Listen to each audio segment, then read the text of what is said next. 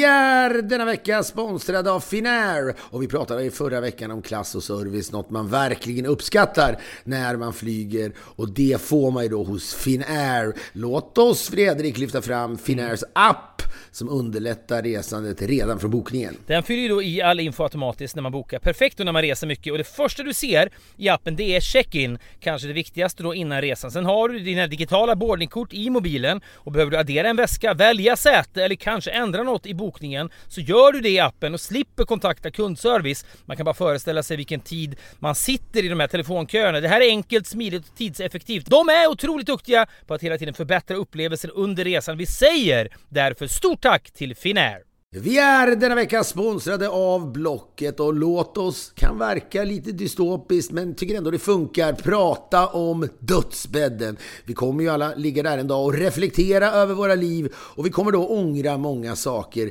Eh, bland annat att vi inte köpte den där drömbilen som fanns i våra tankar under så många år. Ja, men kanske den där opraktiska sportbilen då som var en dröm från barnsben. Sen blir man vuxen med barn och så får man inte köpa en sån där bil. Men man skulle fan bara ha gjort det så att man inte ångrar det när man ligger där då. För på Blocket finns då bilar för alla med Sveriges största utbud av bilar till salu från privatpersoner som såväl bilhandlare. Gå in på blocket.se slash bilar och köp drömbilen på Blocket. Vänta inte så kan man då bocka av den på dödsbädden i alla fall. Det tackar vi Blocket för!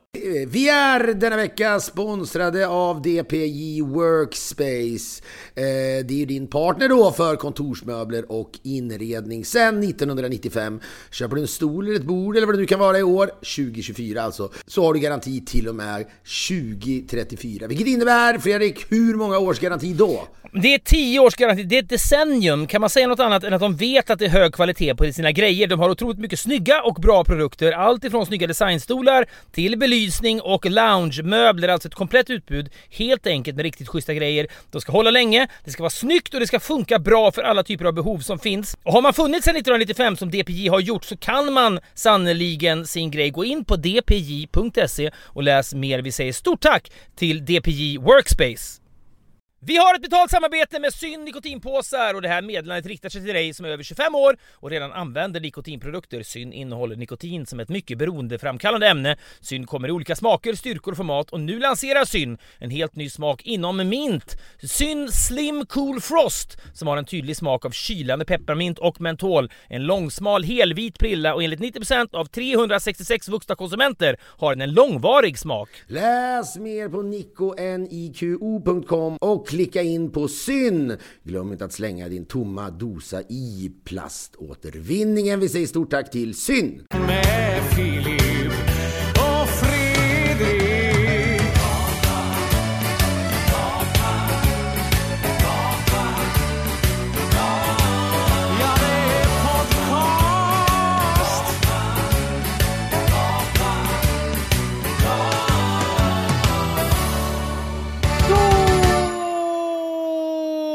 Säger vi välkomna till Filip och Fredriks podcast, den första för sommaren. På ett sätt får man väl säga, det känns nu, många kanske tar semester i jul och blir jävligt provocerade av tanken på att man sitter här i bar överkropp och kortbyxor.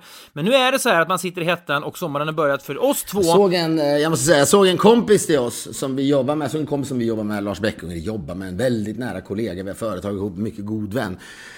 Han är väldigt onärvarande på Instagram och sociala medier. Men hans fru hade lagt upp någon när han i våtdräkt, det här verkar vara lite hett nu liksom, stod upp på någon slags surfbräda Paddleboard, och paddlade sig framåt. Jag såg faktiskt det också och noterade varför har han våtdräkt på sig? Är han lite av en badkruka? En, en, en, en latent badkruka kanske? En garderob? Han är inne i jag håller med garderoben. dig. Otroligt märkligt. Men då fick jag den här känslan, återigen, jag, jag börjar känna mig så jävla orättvist behandlad. Det känns som att Gud straffar mig för jag ska väl också gå på någon semester, men nu börjar jag känna, nej, jag kanske ska fråga om jag kan ta sex veckor i december istället. Att åka runt då, som vi hade tänkt, en, en, roadtrip i ett liksom halvöppnat USA, där the numbers are going up i varenda stat, så att säga. Vi- Vet ni vilken känsla? Vi var inne på, så här, ska man åka till Wyoming och du vet så här, Badlands och kanske stanna i någon liten, liten ort, kunna gå på en bar och sen bara, men det kan man ju inte göra riktigt. Ja, men det är väl också ännu värre. Jag kan tänka mig, skulle man åka till, vår gemensamma vän Simon Rudholm ska ju åka till, tror jag, Murmansk och bila runt där. Och där har man liksom inga förväntningar. Det, det är som han sa, det är liksom insekter stora som tefat och så kommer det vara 40 grader Han är varmt. hellre den minst rädda människan för covid, känns det som. Ja, ja, ja. Men, men där har man liksom inga, man har ingen förslag. Han är en bring it on-människa deluxe. Ja, men kasta coronan i ansiktet på mig då. Han är motsatsen till mig kan man säga. Men där har man inget muskelminne av upplevelser. Upplevelsemuskelminne. Om du åker runt i USA, här är en liten stad, här är Main Street, där är en diner, där måste jag få gå in. Ja, men det kan jag inte, då blir upplevelsen bedrövlig. I Murmansk, ja, det är lite stängt här var. Jag skiter väl i det. Jag håller på och liksom duckar för tefat stora insekter som kommer flygande och det är 40 grader varmt. Skitsamma. Men jag kan tänka, det måste vara hjärtskärande att resa runt i USA. Ja, men och grejen är så här, man...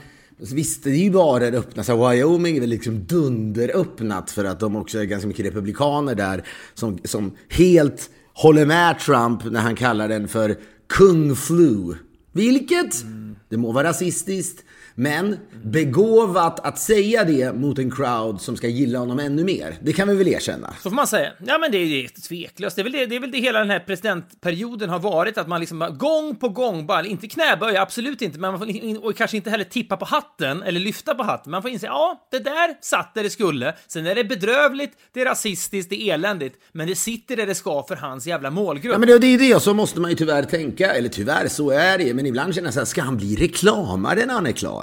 Ska han börja göra, ska han flytta Men till han har Stockholm varit och börja reklamare jobba hela med... sitt liv. Han har varit reklamare hela sitt liv för sig själv. Ja, men sen när jag sa det där kung flu och han fick så här. Du hörde också att han under det här talet då i eh, Tulsa, Oklahoma, där du var för en sommar sedan. Tänk att sånt, Mm. tänk det. Dylan-konventet, jag och Sigge Eklund gick runt och svansade runt salongsberusade bland liksom ointressanta seminarier. Men, det är en annan stad nu. Ja, men eh, och du och jag har också varit där. Fan, haft en trevlig kväll, minns jag, när vi åkte runt och gjorde 100 höjdare för 100 år sedan. Men jämför att åter, återvända dit nu och liksom ha det här muskelminnet återigen av upplevelser och sen så blir det liksom 60% av det bara. Det, det går ju inte, jag fattar det. Nej men då så känner man, ah, då kan jag lika gärna sitta här kanske och jobba lite och inte vet jag, rensa ut garaget. Det är ju en piss-semester naturligtvis på alla sätt och vis.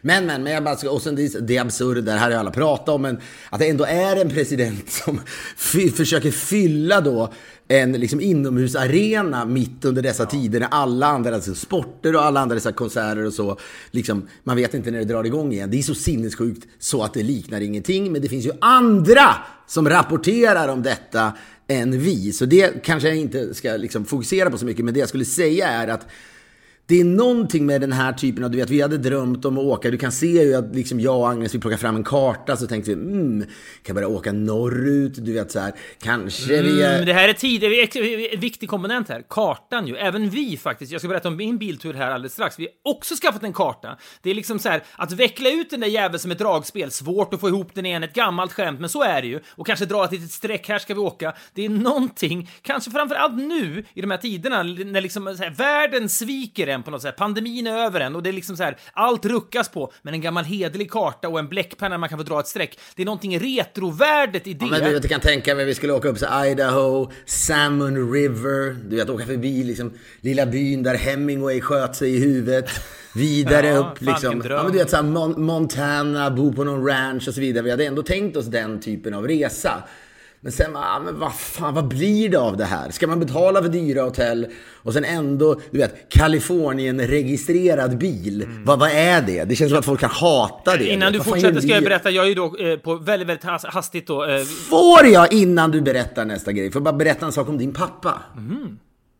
Ja, just Och ja, i, i slutet av förra avsnittet så eh, sa ju, eh, då hade vi lagt till en liten svans. Apropå att du sa då att i något tidigare, när vi var klara med en podd eh, för ganska länge En sedan. månad sedan kanske, ja. Så eh, ja, hade jag då glömt, alltså så att du avslutar samtalet, men då kanske med ett berått mod valde du att inte avsluta Skype. Och då säger jag någonting i slutet, ja den där historien var ju nästan helt påhittad, eller någonting. Detta pratade vi om i mitten av förra veckans avsnitt ungefär. Och som ett skämt på slutet så sa vi åt varandra, "Men nu låter vi eh, bandaren gå och sen så säger vi, gör vi ett liknande grej igen. Väldigt många människor missförstod ju det där och trodde att din avokadotoastmacka... Ja, ja, det där är viktigt för mig att Det är poängtera. väldigt viktigt för mig också att poängtera. Det känns, det känns tråkigt, man tror att folk ska greppa det. Det är klart att folk greppar det där skämtet. Det är lite The Jinx, Robert Durst, du vet, jag glömmer stänga av micken och så kommer det med någonting. Men, fan det är sommar, folk blir såsiga i huvudet, de fattar inte allt man hoppas att de ska fatta. No shame, det var dåligt paketerat av oss, men den där avokadotoast-historien hände ju. Det är väl liksom när äggklockan ringer, den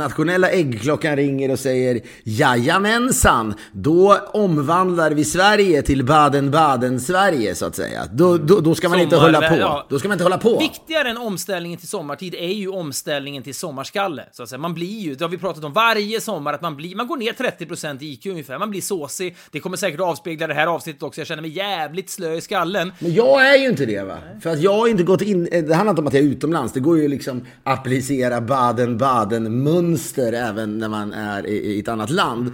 Men jag, jag kan ju inte det. Så jag, jag känner att jag fortfarande trippar på tå. Eller på, nu använder jag väl det uttrycket fel. Men det känns som, förstår vad jag menar? Glider runt med energi, observerar tillvaron. Finns det någonting som inspirerar mig här och så vidare.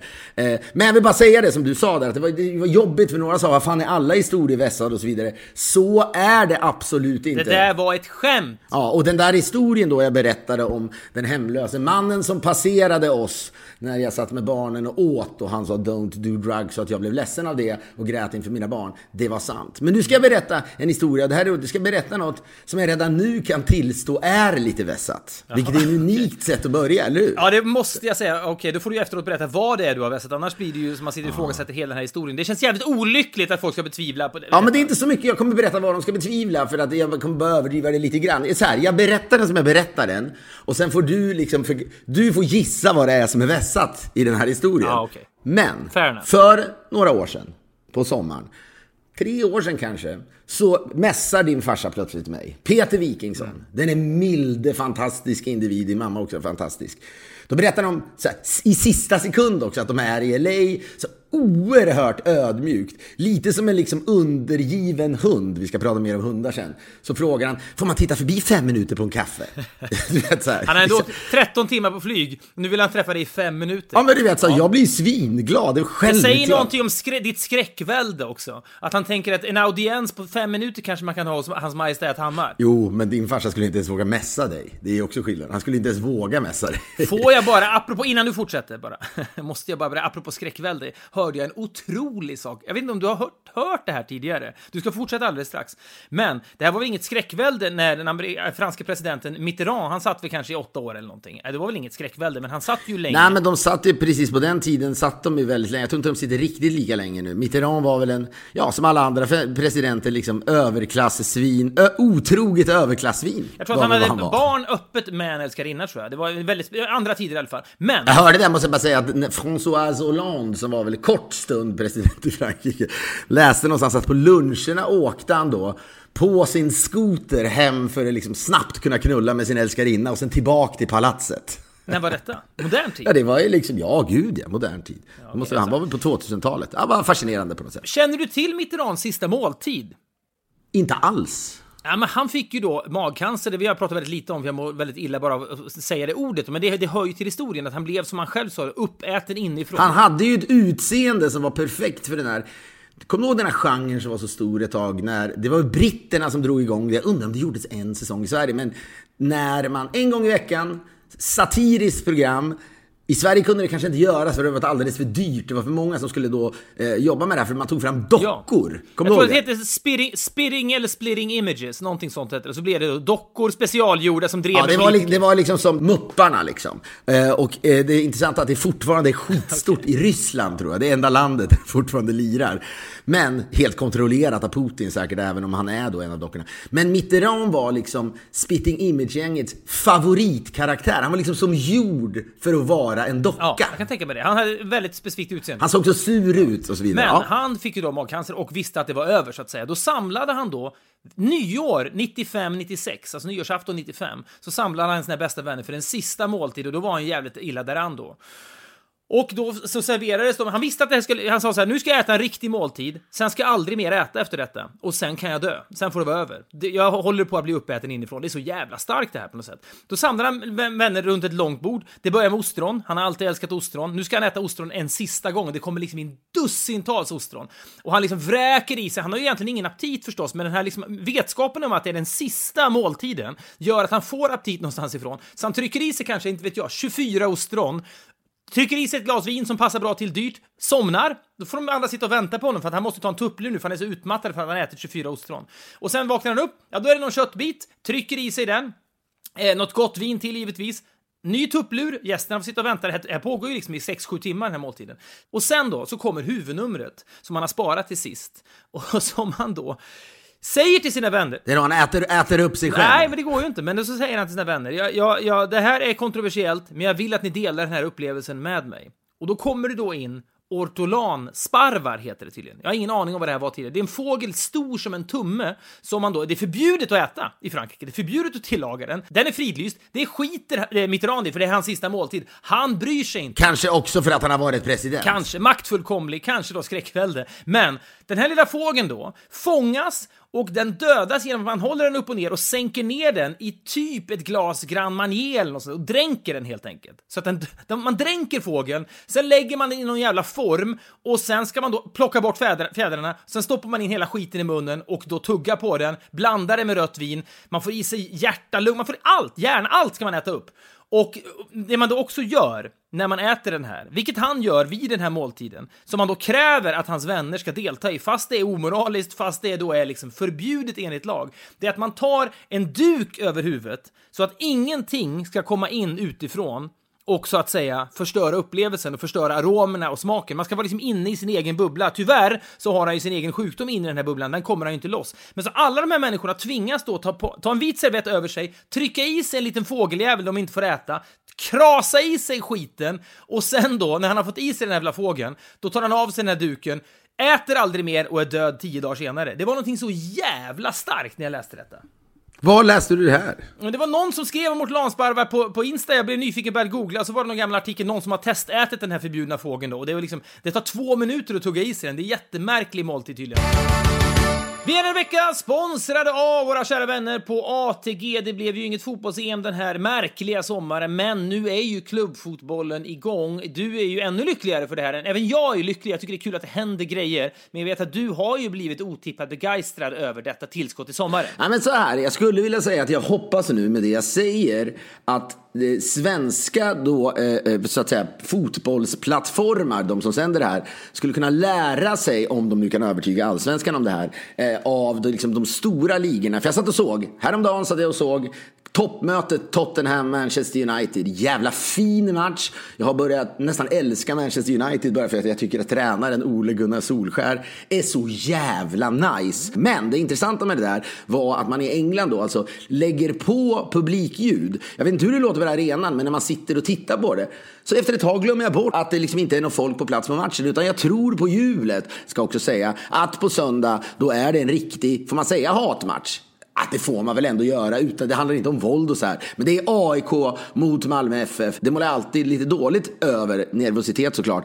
All fotboll går såklart att spela på hos ATG. Du måste vara över 18 år för att spela och du kan också besöka stödlinjen.se. Vi säger stort tack till ATG.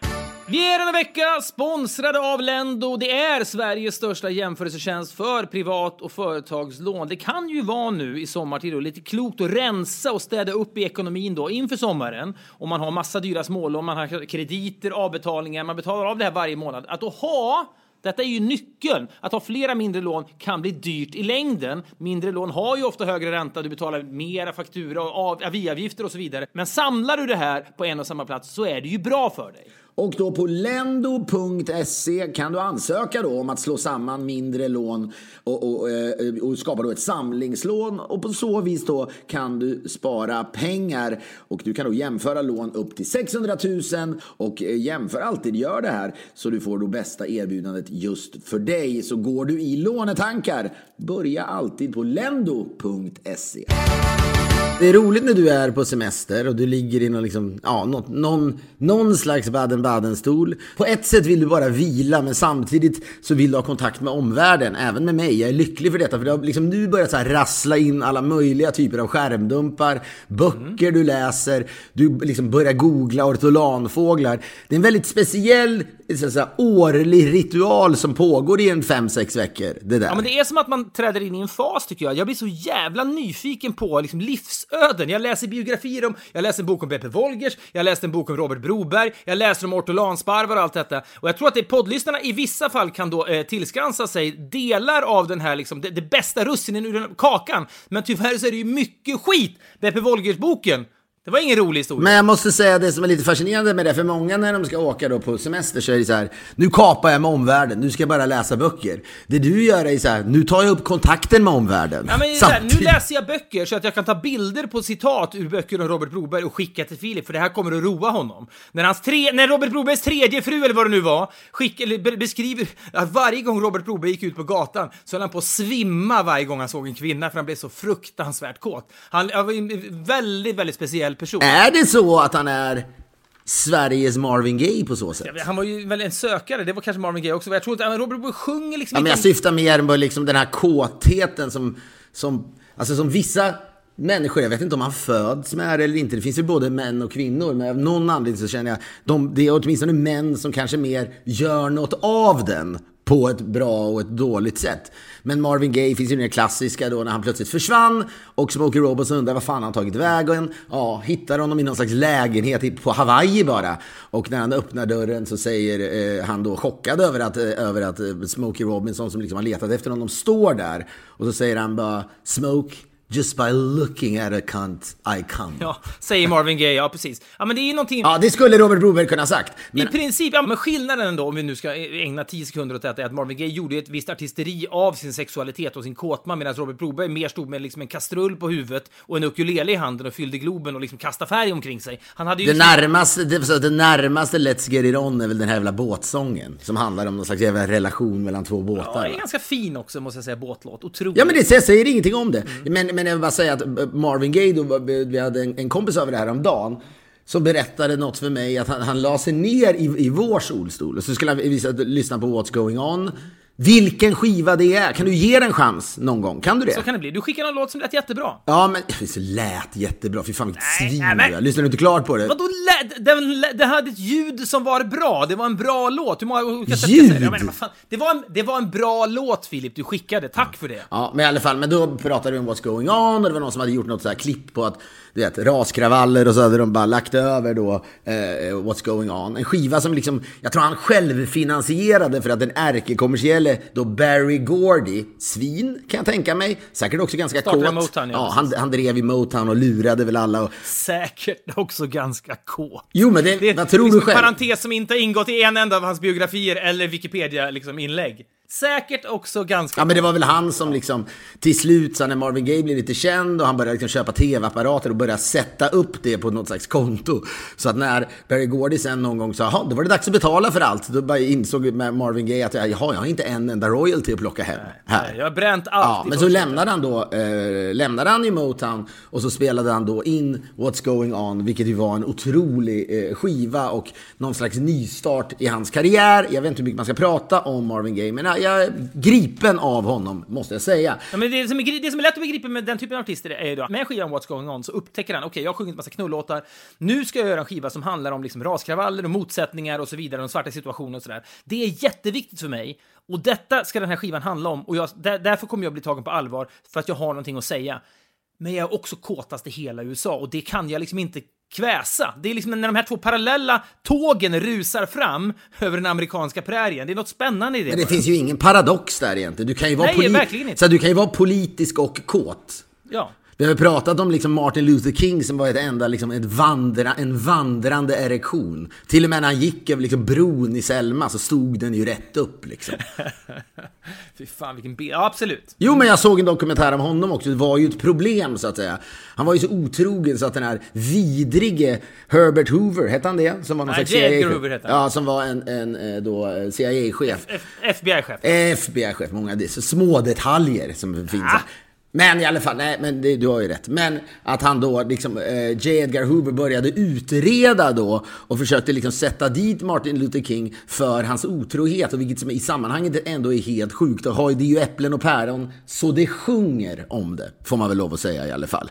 Att han kan ju fortfarande vara en man, bra budskap som förändrar världen och ändå kunna knulla snett. Så är det. Men då berättade min kompis i att hela liksom What's going on, och det var väl en del i hela hans liksom esoteriska personlighet, då låg han på någon slags sunbed inne i studion. Han liksom låg ner. Kanske och, en Baden-Baden-stol. ja, låg ner och liksom sjöng in hela plattan. Det bara någon, en syn i det som jag tycker är så jävla intressant. Ja, Man det- tänker att folk ska stå upp och vara liksom på tå.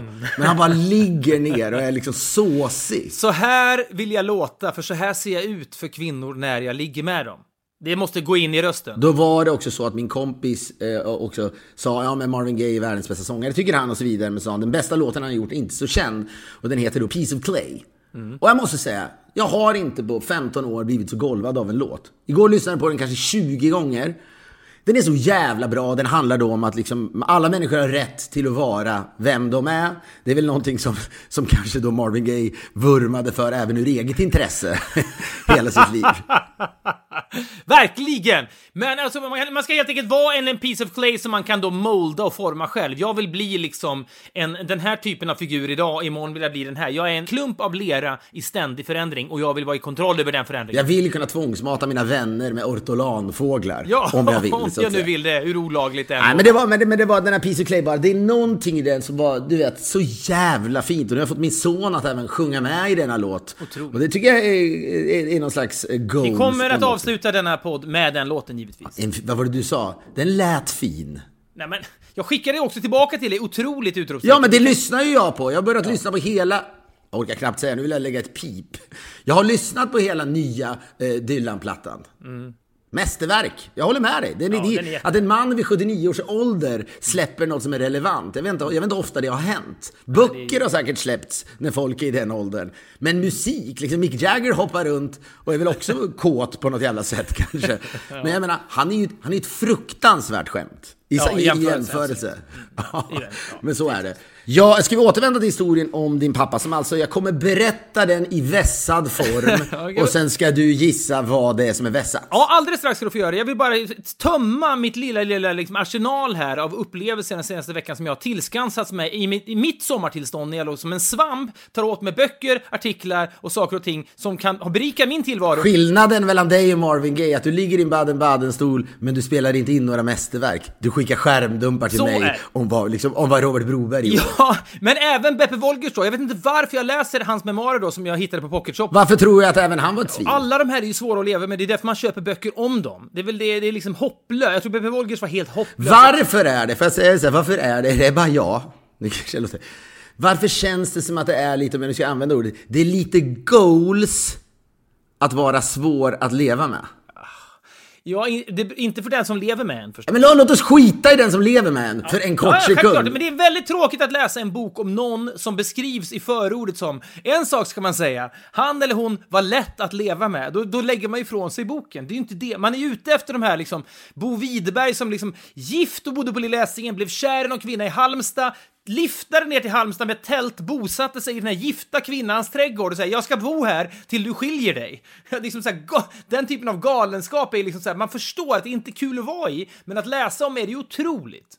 Det är väl då, för då kan man också luta sig tillbaka i sin baden och leva genom andra. Kanske om det någon gång, inte så troligt, skulle skrivas en biografi om oss eller om, om mig, om de separerar dem, så kanske det kommer stå att jag inte var helt lätt att leva. Men jag vet inte, det är väl det man får jobba mot. Ja, men då är det, det är som man får, när man läser böcker om människor är att man får så mycket olika, man kan få saker de gör, man dårskap och alltihopa, så kommer det plötsligt oväntade nuggets. Och innan du ska återvända till historien om min pappa då, som är berättas i vässad form, så ska jag ändå, någonting som grep mig oerhört i Beppe Wolgers memoarer, otippat nog. Det är en märklig bok, men är ganska läsvärd. Du vet, Beppe Wolgers hade en massa barnprogram, och artist och sådär, kabaréer och så.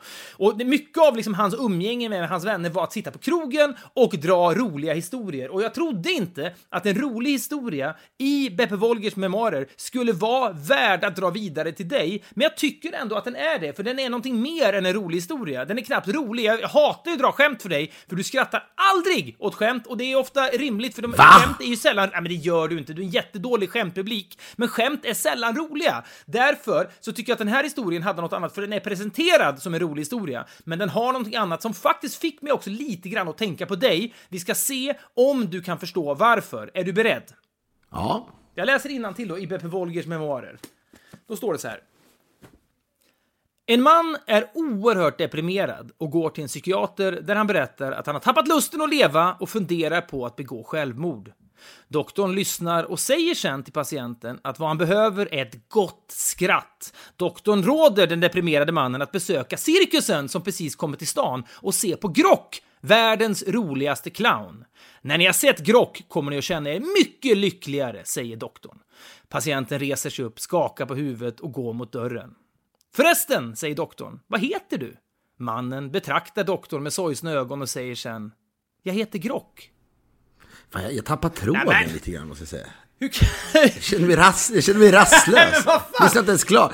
Alltså jag vet inte vad den handlar om. Kan du berätta den en gång till? Fan vad sjukt! Jag läser, jag läser så ty- en av Sveriges bästa uppläsare också. Men läs, läs på riktigt. Jag, ta, jag tappar tråden. Jag, jag, Hur jag är börjar tänka på annat. Nej, men- Jag börjar tänka på annat. Det är fan unikt. Jag, jag tänker inte ens be vår klippare David Mer att klippa bort den första läsningen. Nu får, nu får lyssnarna få den en gång till också då. Kan du försöka skärpa dig nu? Helt sjukt. Jag, mot slutet tänkte jag, vänta vad är det jag lyssnat på? Ingenting gick in. Nej, fy fan vad sjukt. Det är det ja, men vad fan, skärp dig nu då! Det är därför du jobbar med mig för i helvete. Nej, vet du vad? Det är därför du jobbar med mig. Där kom skämtet! Det är sannare. Där kom Ja, skämtet. där kom skämt. Det är sannare! Dra den en gång till okej, nu, nu ska jag lyssna. lyssna jag blundar och försöker lyssna. Ja. Okej, den här andra gången så musiklägger vi den då David, bara så det, för lyssnarna ska bli någonting annat. Det här är ju väldigt, det här är fan klandervärt innehåll. Det här är sommarpodd, en rolig historia som dras två gånger. Jag tror inte det är Ja, det sjuka är, jag är ändå på tårna. Ja, du tycker det var på tårna. Okej, lyssna nu. eh, Okej, nu är du med.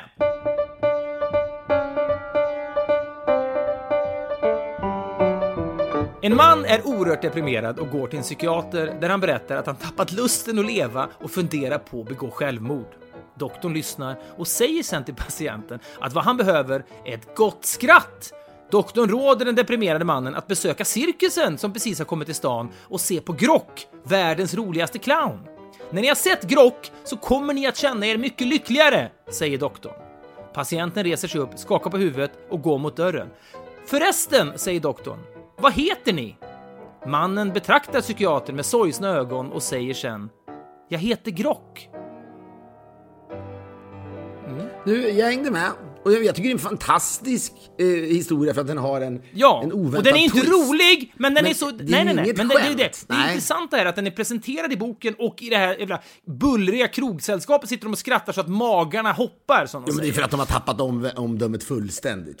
som Ja men, de har su- ja, men de har supit i många år, ja men det är vad det är. Den är ju inte rolig, men den är så fruktansvärt sorgsen. Men varför berättades den i boken? Ja, men är, han berättar 40 såna historier i den här boken. Det är hela, hela memoaren är fyllda Men vänta, det här är Bebe, det är Bebe Wolgers själv. Är hans memoarer. Ja, han har skrivit dem själv. De har nyutgåva i pocket och hit och dit. Modernista, du kan tänka dig. Det är nästan liksom aldrig, håll med om det, du är ju, ingen har ju slukat, det är en specialpodd nästan där du rankar Sveriges liksom så här, bästa kändisbiografier. Är Självbiografier eller biografier alltid. om andra? Det är visst, absolut. Ja men det är ju allt från liksom så här, Ivar Kryger till Thomas Ledin, om det är någon slags ytterlighetsgrej. Jo, men jag skulle säga att memoarer är ju sällan lika bra som bi- biografier tycker jag. Ja, men det är väl också för att det är någonting så avslöjande, att han drar så sjukt mycket roliga historier, återberättar roliga historier från krogkvällar på Teatergrillen på 50-talet, när han sitter med Sigge Eklunds farfar och liksom super med liksom Lars Forssell och så, du vet, så är det god stämning, och så ska det färdas genom decennierna, det gör det ju inte. Gud vad män utnyttjade den frihet de hade på den tiden.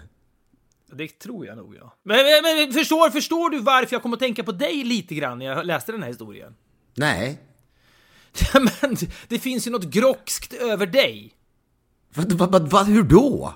Nej men du har ju, det går ju upp och ner. Jag har känt mig lite orolig för dig, ärligt talat, de senaste dagarna. Jag tänkte att det skulle kunna komma en ganska stor dipp nu när dina föräldrar har åkt hem. Du har vant dig vid ett visst sorts liv och du har kommit nära dina föräldrar, så åker de. Ni kan inte åka ut på någon semester och så skulle du kunna gå in rakt in i en slags jävla bergvägg. Det kan du inte Ja, förstå. men det är sant. Och sen har det en massa jävla strul med huruvida man kan åka in i Sverige. Ja, men så är det absolut. Men det är någonting med Grock är en clown som roar andra, men vem, och, hur, på vilket sätt ska han bli glad? Jag känner du har något grockskt över Jag pratade igår, så jag skulle tvätta min bil för att Ja, du vet ju hur mina bilar brukar se ut. Det är helt sinnessjukt. Min son sa igår på dagis I don't wanna sit in this car dad. Han pratar oftast engelska mig för att den var så jävla skitig. Det var någon gång Ja, men du har också, du har också en förmåga att sitta i framsätet, kasta saker till baksätet och tro att de då mirakulöst försvinner. Eller hur? Ja. Du behandlar baksätet och så hoppar hoppas du, när du kastar bak den tomma liksom inte vet jag, vad heter de här vatten... Arrowhead-flaskorna, vattenflaskan, kastar du den bakåt över axeln, då hoppas du att den mirakulöst ska hoppa hela vägen bak i bakluckan, lä lägga sin prydlig hög där bak. Men det blir liksom en, det blir som en, ja, det blir som en återvinningscentral i ditt baksäte. Det ser faktiskt inte klokt Jag känner mig också vulgär någonstans. Jag har råd, jag har en ganska härlig bil. Och, och du vet, att, att jag har råd. Det är någonting som är vidrigt i det. Det är liksom som att vax, lite så här, vaska champagne under en Stockholmsvecka. Förstår du känslan? Vadå, du menar att det är, att det är någon slags, inte vet jag, klassresekomplex som gör att du vill skita ner Ja, din men det är inte ett, nej, tvärtom inget komplex. Men, men om jag nu har råd att köpa den här bilen, det känns som att jag borde ta hand om den då. Förstår du? Ja, här, men är det då du någon slags litet minimalt uppror då att, ah, okej, jag har. Nej, jag gör det ju inte medvetet alls. Jag snarare skäms ju över mig själv. Ja, okej, jag fattar. Men då, jag skulle i alla fall då, eh, så, det var det nämligen så att jag lämnade in den på en biltvätt. Jag har tänkt att tvätta den själv. Det har runnit ut i den berömda sanden. Eh, tror jag sagt till mina barn tio gånger, ska vi tvätta bilen ikväll? och det har de tyckt verkar kul. Sen är det jag som har kroknat. Men, Fy fan. Men så lämna in den och så Din samtidigt- follow-through är inte alltid den bästa i världen. Samtidigt då har jag fasat in då eh, en, en, en, en sittning över telefon med min psykiatriker. Och då artikulerar jag precis det du säger, att jag de den liksom senaste två veckorna har upplevt att ett mörker har svept in liksom över min tillvaro, eller i min tillvaro. Alltså, det är sjukt, för på riktigt har jag... Jag kan nästan känna det hela vägen hit. Det är någonting i att du är långsammare att svara på sms, och då menar jag verkligen inte så här jobbgrejer, utan så här... Ja, jag vet, det var något en mest rolig du skickade som var riktigt Ja, Man roligt. skickar en rolig grej, får inget svar, känner så här, och nu är det något som inte stämmer. Jag kan liksom känna vibrationerna över Atlanten till att du, att du är på väg mot... Jag är fan på riktigt känt mig riktigt eh, orolig. Ja, så jävla allvarligt är det inte. Men hon pratar länge med mig och, och du vet så här, och jag sa fan, jag vet inte riktigt vad det är. Eller så här, det är o... Att det är massa dimensioner. För första gången i mitt liv har jag bland annat känt att så här, den politik som förs i ett land Oftast är man ju så egoistisk, det är du också, så man tänker det ordnar sig och så här, det kommer inte bli en katastrof. Men hela den här Trump-administrationen, jag, jag, jag kan det inte så mycket, men det är så rörigt i USA just nu. Att jag känner, det är någon, någonstans, du vet, oro för det.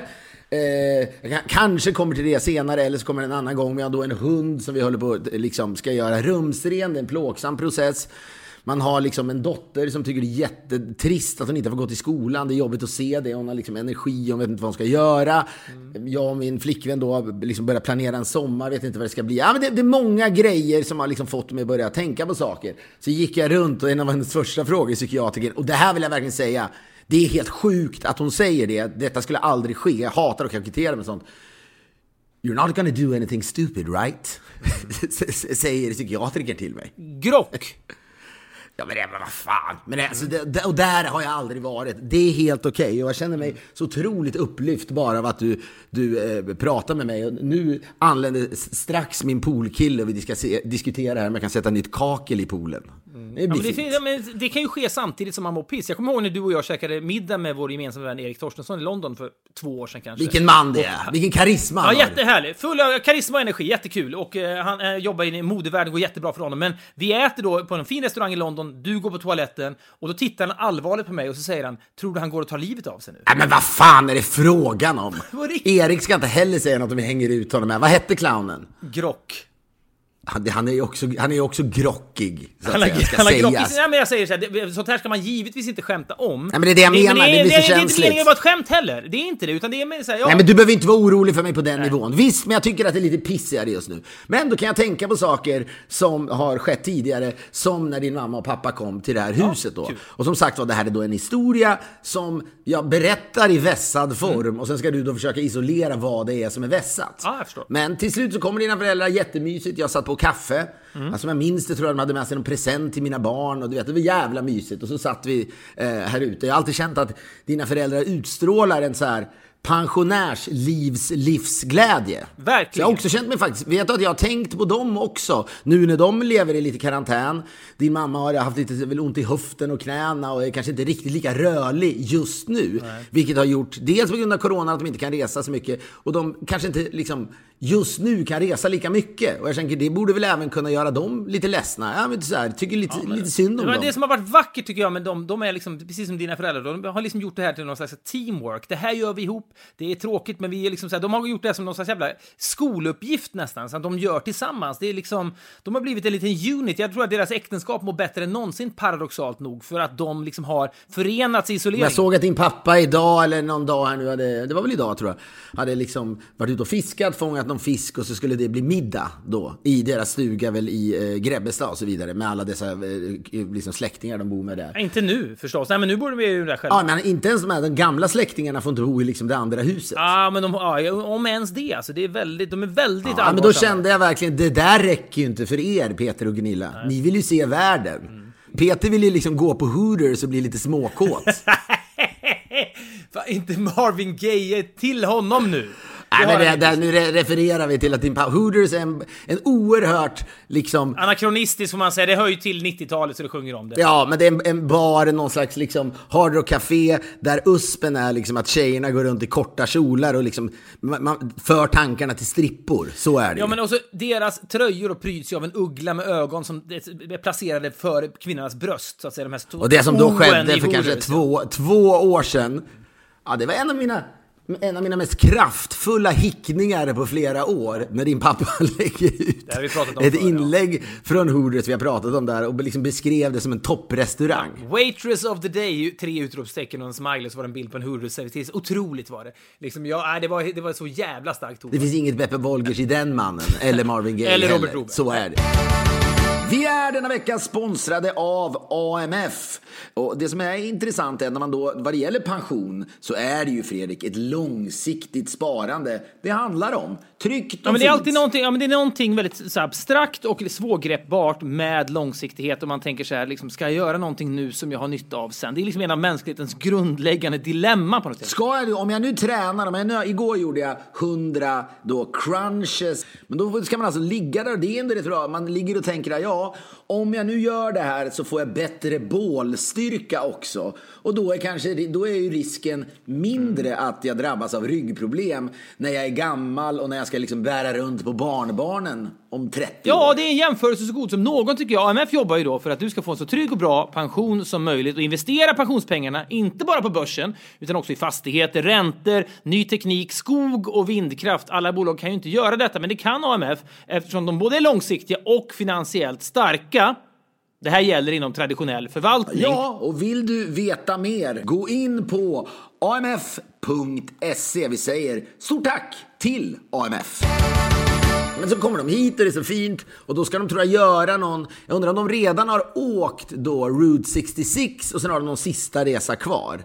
Och då sitter vi och pratar om det, så fantastiskt. Och det jag sa innan var då att jag och min eh, flickvän, men det här var ju digitalt, tittade på en karta igår. Vattnas i munnen, var ska man åka i USA? Du vet det där, det, vadå, det är fan nästan det bästa du vet också. Herregud, Ja, många av våra vackraste minnen har ju verkligen skett i bilar. Att komma ut ur en hotellobby, billigt hotell, det kan vara liksom ett så Motel 6 eller det kan vara Days In eller liksom Holiday In, whatever, spelar ingen roll. Du är i en amerikansk småstad, du kommer ut, du har med dig något i någon liksom frigoritkopp så har du fått med dig lite kaffe och det är nästan genomskinligt. Det är någon jävla half and half grädde i. Det är knappt kaffe, det smakar inte ens kaffe det du dricker, men det Ska är... vi göra det igen? Men en eller? symbolisk viktig kopp! Du ställer den på taket, du stoppar in väskan där bak och sen så hoppar du in i bilen så vet du att du har sex timmar bil framför dig. Den känslan går inte att överträffa, då får Marvin Gaye säga vad han vill. Men ska du och jag göra, kommer det hända igen? Det kommer att hända igen. Ja.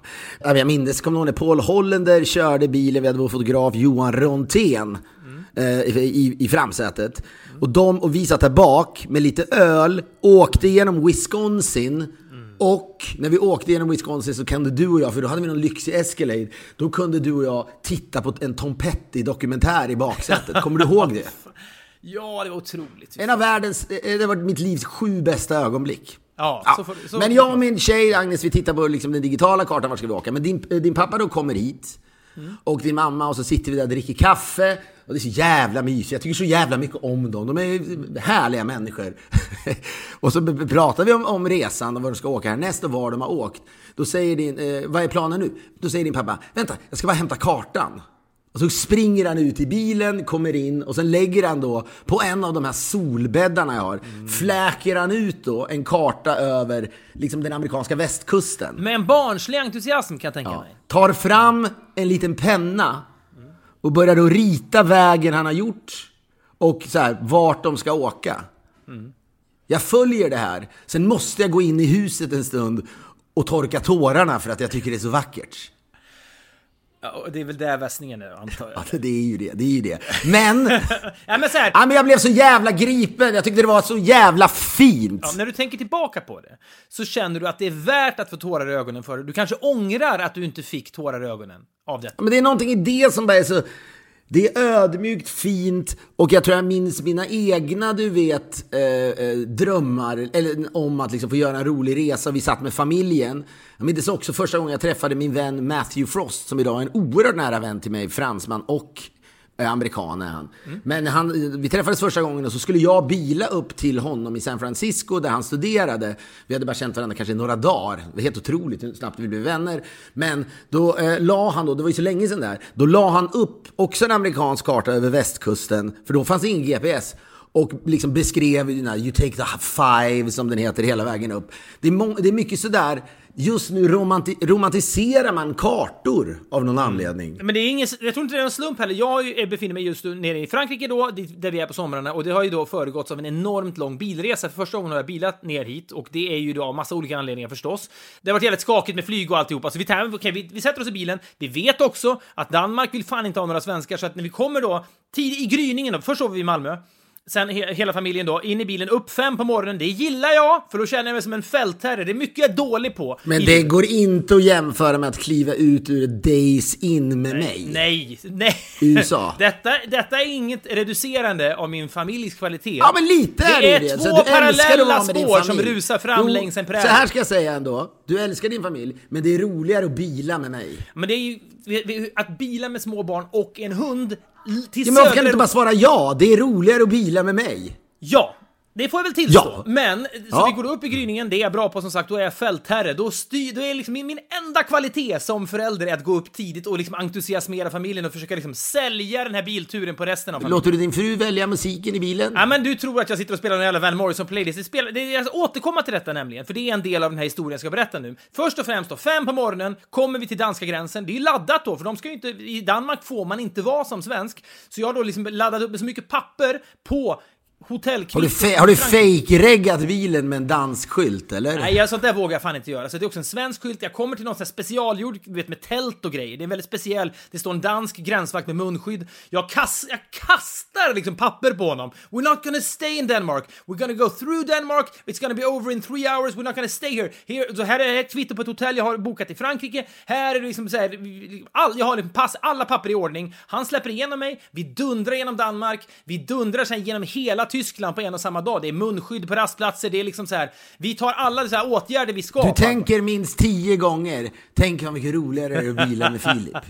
Ja, men det, är det som händer är att när man då bilar, det var en, en bildag då som, som sammanlagt var 16 timmar lång och jag körde Får oavsett. jag fråga, får jag bara fråga en sak? Ställer något av dina barn någon gång frågan, hur länge är det kvar? Men jag sa faktiskt så här, den som ställer frågan hur länge är det kvar, åker ut. Den kan vi bara kan inte vara liksom djupsinnigare än så. Och det köpte de. Jag ska, det, är liksom, det, är, det är mycket innehåll i att skapa så här, mina barn är hopplösa. De var faktiskt otroliga. Kanske för att jag satt med en hotfull blick i backspegeln, jag vet inte. Men det är ändå långt, det är 16 timmar. Det som händer då är ju att man, vi lyssnar på radio oavbrutet då, för det kan vara lite kul att höra hur, hur låter radion i Tyskland, hur låter den i Danmark, hur låter den i Frankrike och så vidare. Vi, vi mörsar ju ner genom Europa och det enda man trycker i, man börjar dagen så tänker man så här, det här ska bli en bra dag, jag ska inte äta massa skit. Det tar ungefär en och en halv timme. Sen Så är- trött på din ätstörning. Ät Ja, vad fan blir- du vill. Det, det, ja, men det är mer för att när man bilar 16 timmar och bara köper liksom ihoprafsad mat på bensinmackar så blir det ju, det blir bara Red Bull, det blir Bounty, det blir liksom, eh, du vet, så här, kexchoklad, det blir bara, munnen blir dum, munnen blir dum. Det är som att man har en beläggning av skit i munnen. Kan du sakna, fråga, kan du sakna det när du och jag bilar? Då vi har en Van Morrison playlist och så käkar vi trail mix. Nötter, russin, nonstop, eller du vet såhär, M&M's blandat. Och man, ah. det är så jävla... Men du vet, ja, men, du vet, man blir dum i huvudet och man blir dum i munnen av detta. Och det enda vi lyssnar på då är oldies radiostationer. För att, att lyssna på hits i Tyskland går liksom inte. Men det är ju du som väljer musik då? Ja, indirekt, ja. Men det som då händer i alla fall är att tidigt under resan så börjar låten... Indirekt, vilket, indirekt, vilket jävla Mitterrand-beteende. ja. Ja, kanske. Maktfullkomlig. Skräckvälde. Men tidigt under resan så kommer då låten Black Velvet av artisten Alana Miles. Minns du den? Skitlåt, ja. Ja, men då började jag berätta för min familj en historia som jag tycker har ett värde. Att min farbror Bosse alltid när den här låten kom 1987, då hade han bilstereo som kunde spela CD-skivor. Och han hade, köpte då låten Black Velvet, som vilken skiva den nu ligger på, med artisten Alana Miles för att då förevisa hur bra stereo han hade. För han tyckte att den låten med sin ganska tunga basgång visade upp hans bilstereos kvalitet på ett bra Det sätt. var väl den och, det var väl den och Dire Straits va, som var känd för det? Ja, Va? Den här, eh, precis. Men jag kan ändå ge farbror Bosse att Black Velvet var lite mer otippad att han då valde att spela. Men vi Ska kan vi lyssna, lyssna då menar du 10 sekunder på Alana Framförallt på versen, det är versen det handlar om. Mississippi in the middle of a dry spell, så här låter den. Föreställ er att ni sitter med farbror Bosse och det är ett sent 80-tal och han visar upp sin bil. Föreställ er också att du och jag åker genom Mississippi och käkar trail mix i en Det är bil. för smärtsamt. Det behöver de inte föreställa sig. Men så här låter den låten.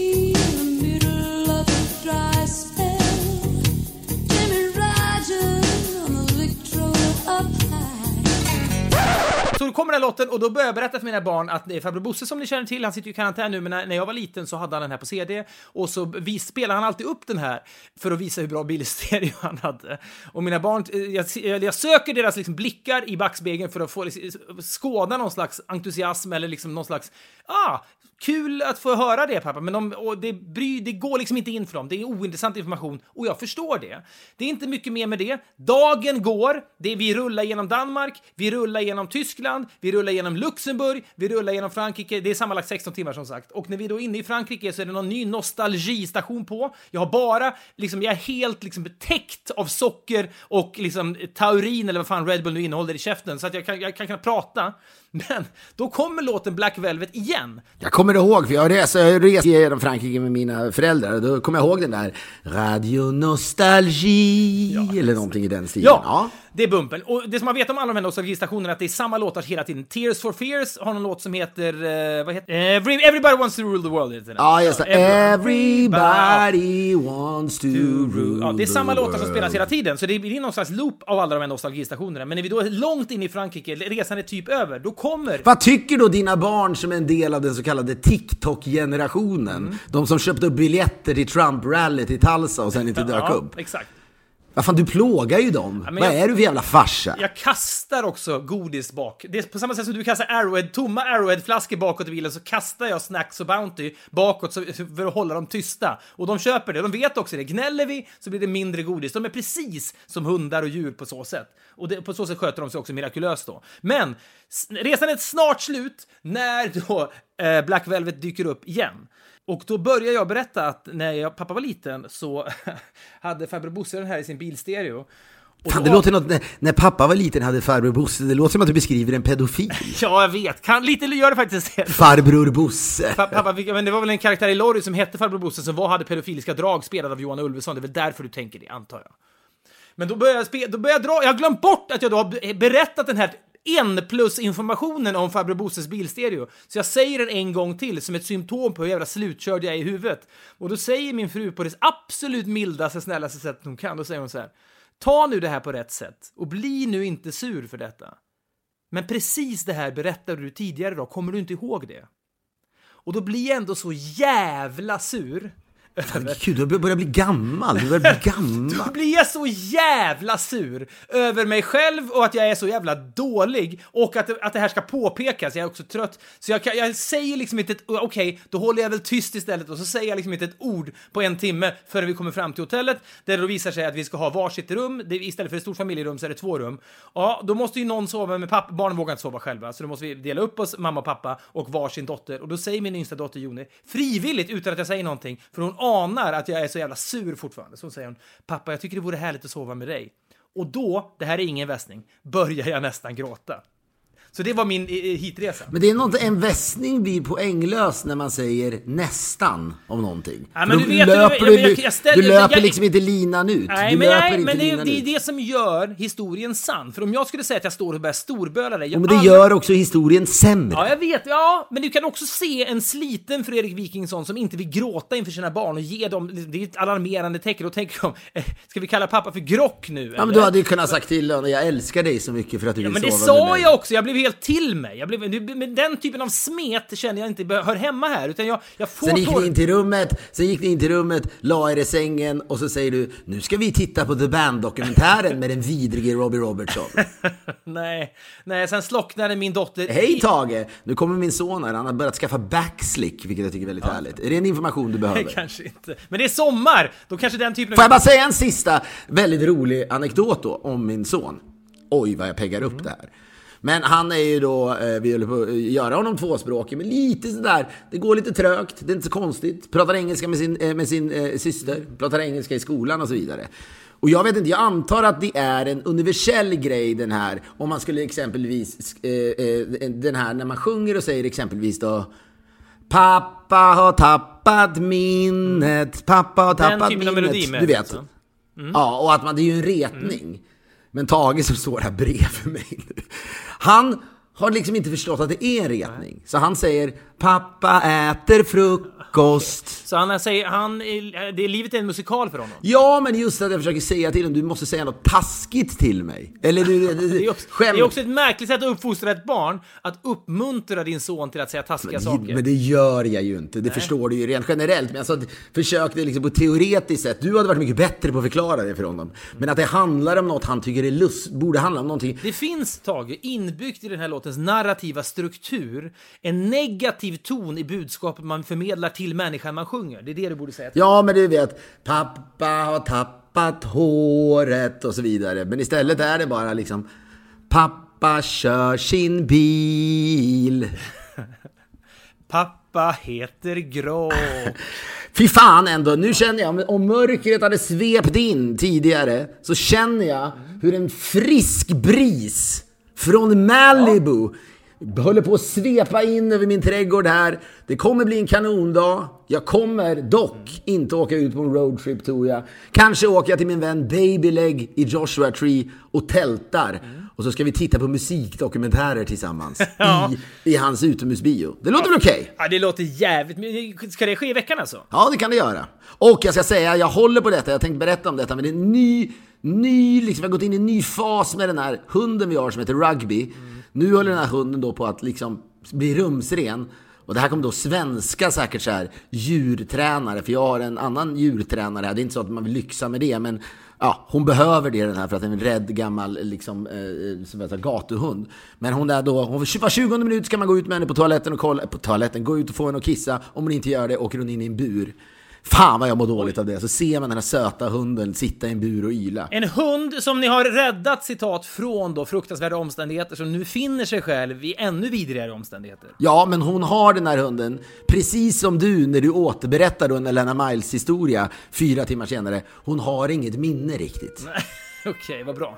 Det är väl skönt det. Då kan jag identifiera mig med hunden. Eh, vi syns. Hörni, vi har den här stunden för att kanske lyfta varandra i någon mån. I bästa fall så lyfter vi även somliga av er. Maila oss gärna till podcast.podff.com. Vi tycker väldigt mycket om att höra om era historier, era infall och era många Fortsätt också skicka skärmdumpar till mig Fredrik. Fortsätt skicka. Jag vill ha två stycken skärmdumpar idag. Jag har 200 sidor kvar av Robert Broberg-boken så det kommer att komma mer, jag lovar. Hörni, ta hand om varandra, håll er friska. Vi hörs om en vecka igen. Hej då! Father, stop criticizing, criticizing your son. Mother, please leave your daughters alone. Don't you see that's what's wrong